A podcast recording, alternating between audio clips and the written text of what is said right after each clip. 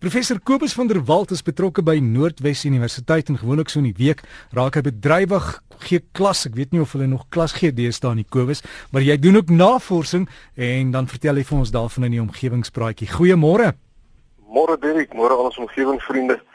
Ja nee, ons hier by die pik gaan nog goed aan. Uh, die klasse is nou eers gesluit vir die vakansietjie en uh, dis aardklop hier in Potchefstroom en soos ek verlede week gesê het hardloop is terug op die plein. Met ander woorde, heerlik intiem en die toegangsveld is is is amper niks nie. So enige mens kan daar ingaan en dit gaan weer heerlik wees. Ja, en Kobus, al het al het hom ons geskuif. Hy was ver gewees en dit het toe nie lekker gewerk nie. Ja, nee wat dit die daai persoonlike intimiteit, jy weet, uh ag nee wat dit is so heerlik op die plein. Dit is klein en is intiem en uh mense kan verskeie verhoë kan jy gaan besoek en uh en daar luister na al die kunstenaars want hulle kom doen sulke mini vertoningkies en dan maak hulle reklame eintlik vir hulle uh, volle vertonings. Maar ja, hardop in Potchefstroom is 'n heerlike tyd. Uh dit lyk of dit 'n wonderlike uh weer gaan wees hierdie hierdie Oktober. Um ek kan miskien net gou sê Derek ek het gehoor vanoggend oom Gawie sê dat uh wyle minister Hendrik Skooman het gesê dit moenie voor die 10de Oktober reën nie. dit lyk daarom asof ons as as ek nou kyk na die na die na die makro weer van die van die wêreld dan lyk dit asof ons minstens 'n gemiddelde reënjaar binne gaan. En ek hoop en bid dat ek reg is. Maar nou ja, kom ons kom by vanoggend se onderhoud. As 'n onderwerp, ek is ek gaan nou nie vanoggend vreeslik oor volhoubaarheid gesels nie, Derek, maar 'n interessantheid van die omgewing 'n bietjie bespreek. En ek doen dit aan die hand van 'n vraag wat ek ontvang het van meneer Loter Blanche. En hy sê hy wil graag weet of daar 'n verskil is in die drukking wat 'n duiker onder water sal ondervind as hy nou in die see 100 meter diep duik teenoor wat hy sou ondervind as hy 100 meter diep duik in 'n grot wat nou op die hoëveld is en die grot is sê net maar 2 km bo seevlak. So in beide gevalle duik hierdie ou 100 meter diep onder die water in, maar in een plek is hy nou in 'n grot wat 2 km bo seevlak is. Baie dankie vir daardie interessante vraag meneer Terblanche. En as ons nou kyk na die druk wat op 'n duiker uitgeoefen word, dan is dit so dat as 'n mens op seevlak is en jy's nou nog nie in die water nie, dan is die druk wat jou liggaam ervaar as gevolg van die lug wat op jou lyf nou druk, gemiddeld 1 atmosfeer. Ons noem dit 1 atmosfeer. Nou hierdie druk wissel egter omdat daar soms areas van hoë druk en dan ook laagdrukselle bo oor jou beweeg. Maar gemiddeld is dit dan nou 1 atmosfeer. Nou as mens nou in die water induik en jy gaan af in die water, dan sal die druk op jou toeneem met nog 'n atmosfeer vir elke 10 meter diepte. In ander woorde, as jy nou 10 meter diep is, dan is die druk op jou naaste by 2 atmosfere en as jy 20 meter diep is, dan is dit 3 atmosfere en so aan.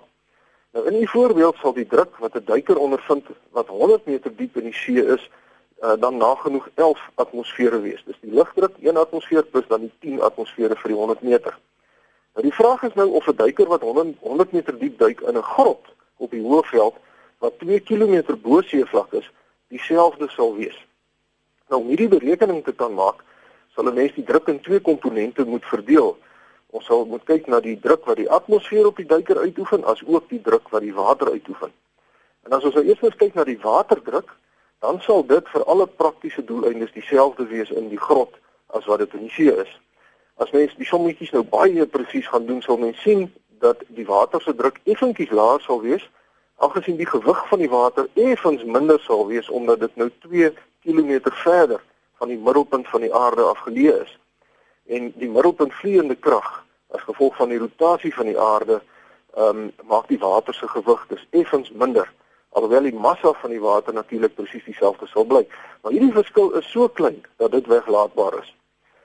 As jy nou na die ander deel van die druk kyk, dis die atmosferiese drukkomponent as gevolg van die lugdruk, dan neem die druk af soos wat mense hoogte bo seevlak toeneem.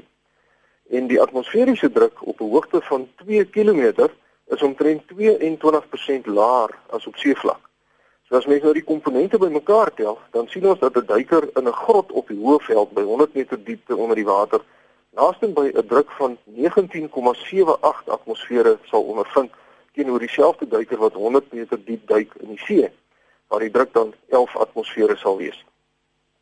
Ekskuus, ek sê nou 19,78, dit moet 10,78 wees. Dit was 'n spelfoutjie geweest.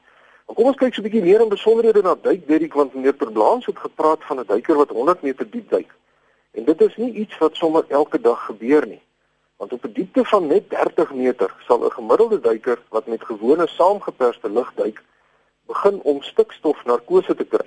Wat 'n toestand is waar 'n mens se brein nie meer jou sintuiglike ervarings korrek kan vertolk nie. En dit was al die rede vir talle duikers se dood. As mens dieper as 30 meter wil duik, dan moet mens spesiale opleiding daarvoor kry, maar die professionele vereniging van duikinstrukteurs beskou enige duik dieper as 18 meter al as 'n sogenaamde diepduik of 'n tegniese duik waarvoor daar spesiale opleiding en spesiale toerusting nodig is. So sien ons dat as 'n duiker dieper as 60 meter wil duik, hy of sy dan hipoksiese gas sal moet gebruik omdat suurstof by daardie druk giftig begin word vir die mens. En in die kommersiële duikwêreld is daar 'n hele verskeidenheid gasmengsels wat gebruik word vir diep duike. En hierdie gasmengsels bevat wisselende konsentrasies van suurstof, stikstof, helium, neon en waterstof. En met die regte gas in jou silinders kan 'n mens baie diep duik. In 1977 reeds het 'n duiker wat gasse met die naam Hydrox en Trimix in sy silinders gehad het daarin geslaag om 'n diepte van 501 meter te bereik. En in 1988 het 'n span duikers van die Tomex organisasie daarin geslaag om herstelwerk te doen aan 'n onderseese pypleiding by 'n diepte van 'n allemintige 534 meter diep in die Middellandse See. Op daardie diepte het die duikers 'n druk van meer as 50 atmosfere ondervind en spesiale gasmengsels was daarom lewensnoodsaaklik. As mens nou nog dieper wil duik, dan moet 'n duiker 'n harde duikpak aantrek wat van metaal en saamgestelde materiale soos koolstofvesel en kwartsglas en sulke goed gemaak is. Nou hierdie harde duikpakke is inderwaarheid maar niks anders nie as 'n klein persoonlike duikbootjie want die druk binne in die harde duikpak word nie verhoog nie maar dit bly by seevlak druk. En met sulke harde duikpakke kan duikers so rondom 700 meter diep duik. En as mens nou nog dieper wil gaan, dan moet jy kyk na navorsingsduikbote soos byvoorbeeld die Trieste wat in 1966 al die diepste plek in die see, ehm um, die plek wat genoem word Challenger Deep bereik het. Dit is so amper 13 km diep. En net om terug te keer na sagte duikpakke, die probleem as mens diep duik is dat verskillende gasse in jou bloed oplos. En as jy dan weer vinnig boontoe kom, uh, of as jy dan weer boontoe kom, dan moet jy dit stadig genoeg doen sodat die gasse weer uit jou bloed kan ontsnap. Want anders is dit soos 'n soos 'n bottel gaskoeldrank wat jy skit en jy draai daai prop oop. As jy te vinnig opkom, dan vorm die gasse borrels in jou organe en in jou gewrigte.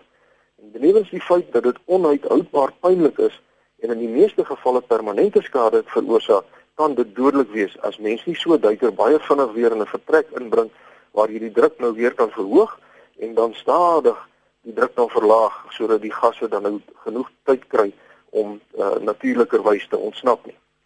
En 'n laaste verstommende rekord vanoggend Derek is die vryduik wêreldrekord. 'n Wêreldrekord waar mans en dames sonder enige lugbottels kyk hoe diep hulle kan duik. En hierdie rekord word gehou deur 'n Oostenryker met die naam Herbert Nitsch wat in 2007 daarin geslaag het om 214 meter diep te duik en weer terug te keer na die oppervlak deur bloot sy asem op te hou. Hierdie man het die verstommende vermoë om sy asem vir 9 minute lank te kan ophou, Derek. Ek weet nie jy dit al probeer het nie, maar ek word sommer duiselig as ek net daaraan dink want ek kan my asemskaar vir 30 sekondes ophou. En daarmee wens ek vir al ons omgewingsvriende 'n heerlike Saterdag toe. Kom ons hoop die bokke maak ons trots vanmiddag. En as u vir my wil skryf oor enigiets wat met die omgewing te maak het, al die besonderhede is op die Facebookblad van Omgewingspraatjies. En daarmee sê ek vriendelike groete tot 'n volgende keer. Baie dankie Kobus en wie gaan wen vanmiddag met die rugby? Jong, die Australiërs uh, dink ek het het uh hierdie afgelope week genoeg voorbrand gemaak en versigtige uitsprake gemaak en gesê die bokke is kwaad en hulle is gekwes en so. So ek dink die bokke het 'n goeie kans. Ek hoop ek is reg want daar uh is nie lekker as die ouens so pak slaag kry soos hulle verlede week gekry het nie. En die manne het die talent. Ek bedoel hulle is 'n goeie klomp spelers. Ek is nou nie hierdie wonderlike rugby kundige nie, maar uh ek dink ons het 'n baie goeie kans om vanmiddag weer 'n slag uh, die die die trofee of ons ons koppe hoog te hou. Ja, koos, ek is ook die ewige optimis en ek sal regtig duim vashou en ons het ook 'n rugby raai kompetisie waar R10000 gewen gaan word. So, as ek my vra wat jou tellings, jy weet, maar jy wil nie sê nie. Ja, ek mag mos nie deelneem nie. Ja, dis ja nee. en jy ook nie. Nee, maar ek wil so verskriklik. graag ek kan doen met 'n 10000 randjies. ek kan doen met 'n miljoen Kobus. Kobus van der Walt, professor Kobus van der Walt by Noordwes Universiteit en as jy wil inligting kry, dalk net aansluit by die Facebook groep. Onthou dis omgewingspraatjies, die meervoud omgewingspraatjies. Sluit aan, kry die inligting daar of stuur vir Kobus se uh, e-pos as jy wil met 'n K, dis Kobus met 'n K. van der Walt kobus.vanderwalt by nwu.ac.za